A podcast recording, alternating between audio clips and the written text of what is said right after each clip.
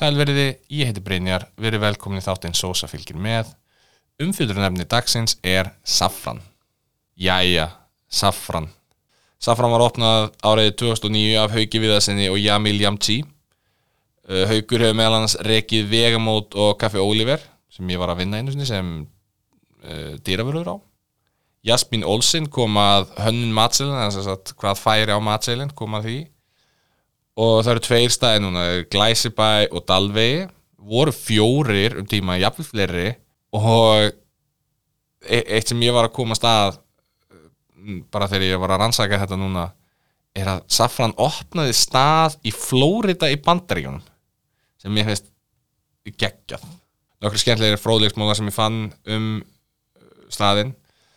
Í fyrsta mánuðunum sem staðinum var opinn fóru um það byrj 80 kíló af skýri í jógurtsósu staðanis í hverju einustu viku. Og, og mér finnst þetta næsta sem ég er að fara að segja er líklega með skrítnari hlutum sem ég hef komist að í rannsóknarvinnu minni um veitingastæðina síðan þetta podcast byrjaði.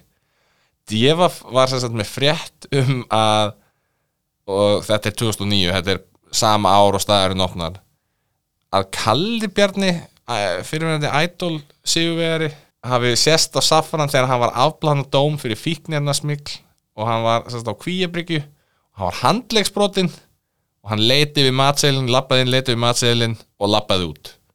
Þetta var frettin, ekkert annar mjög skrítið, það hefur einhver vantarlega bladamæður tíu verið að fá sér að borða á Safran.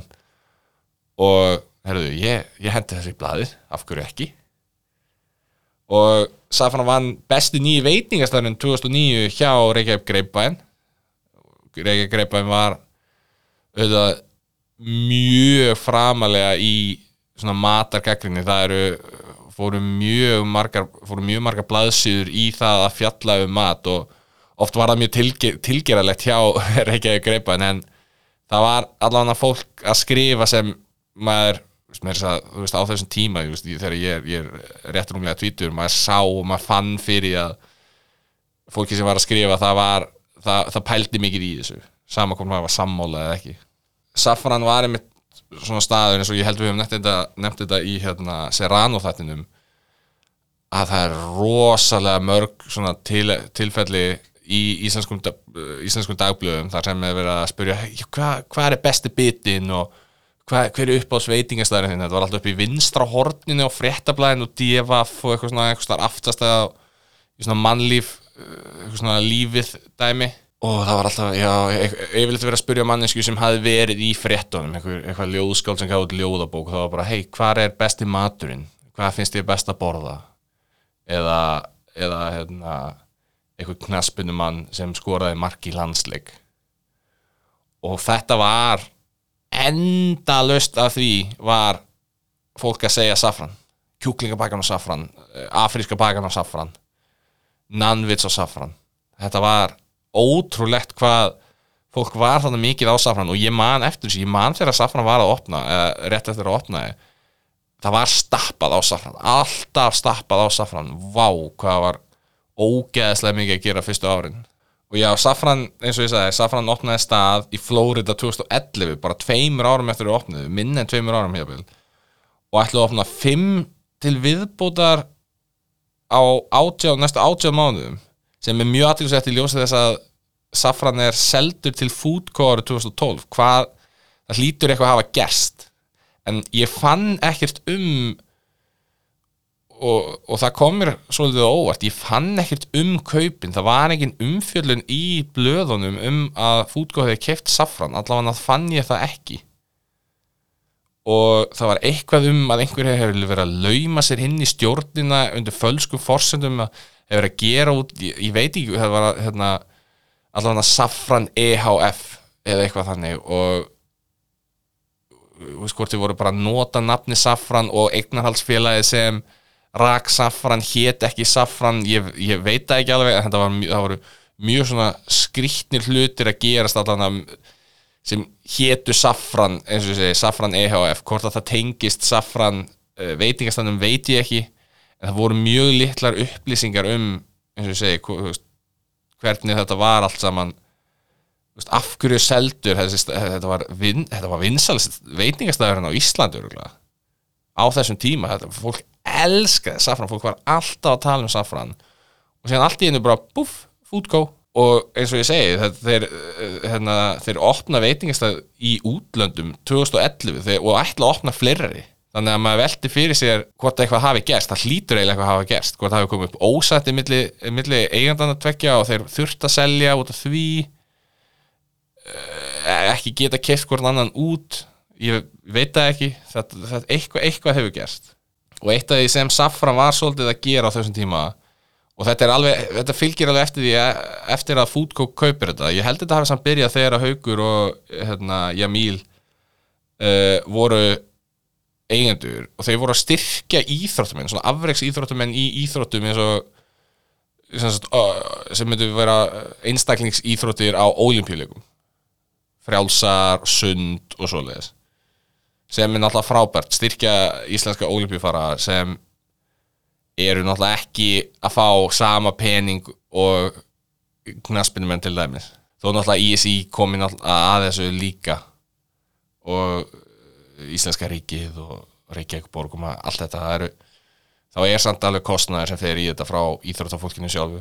Já, Safran Express opnaði í hérna ártunni í hlinn og söpvi þar, þar sem að það sjálfsögðu dó eins og allir hluti sem fara hlinn á í ártunni eins og við nefndum í söpvi þættinum þangað hafa, hvað hva voru það margir? Voru það 10, 11, 12 staðir sem hafa opnað hlinn og söpvi og bara meðaltali verið í 1,5 ára eða 2 ár og séðan bara degja er lokal er það núna og allir lokal sé ekki bara sá staður sem er búin að vera hver lengst? Og þá er það staðan á Safran í dag. Safran stopna 2009 Foodco kaupir það 2012 ég byrja að búa með konum minni 2013 og þá erum við að fara alveg reglulega á Safran, við erum að fara það ofta ég er með Safran símanúmeri símanúmeri vistað í símanum mínum.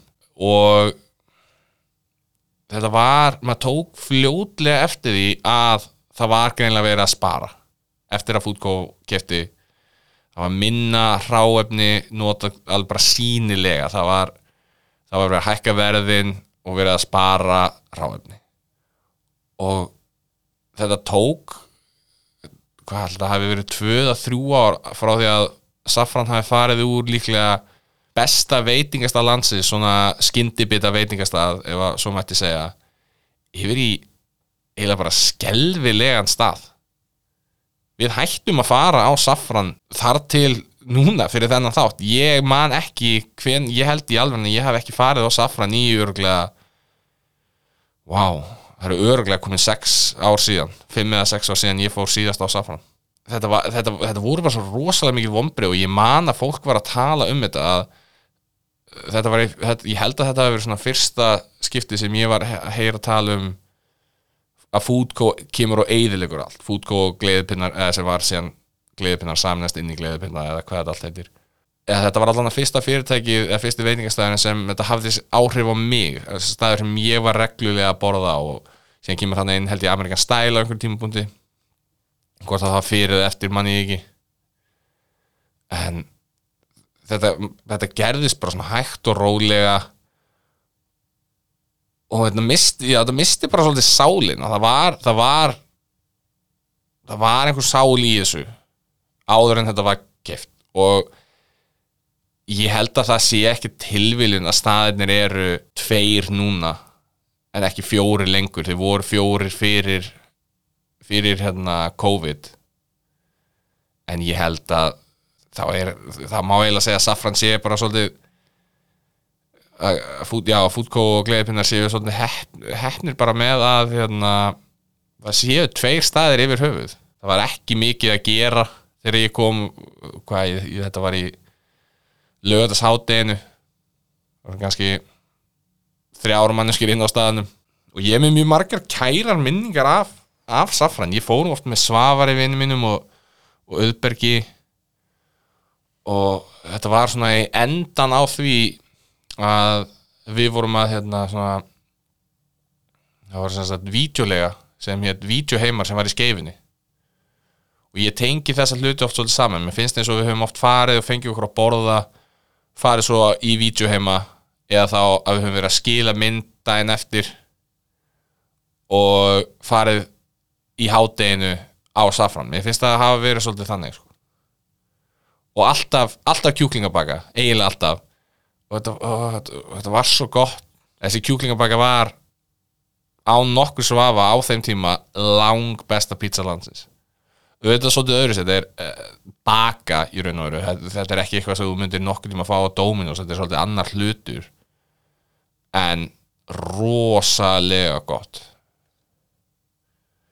Og kona mín hún fekk sér hérna uh, Mílanoböku sem ég fekk að smaka. Hún var rosa fín. Þetta var algjörlega bara fín pizza. Bara, já. Kork, korki slæmni, góð bara, já, fín, ásættanleg segjum það.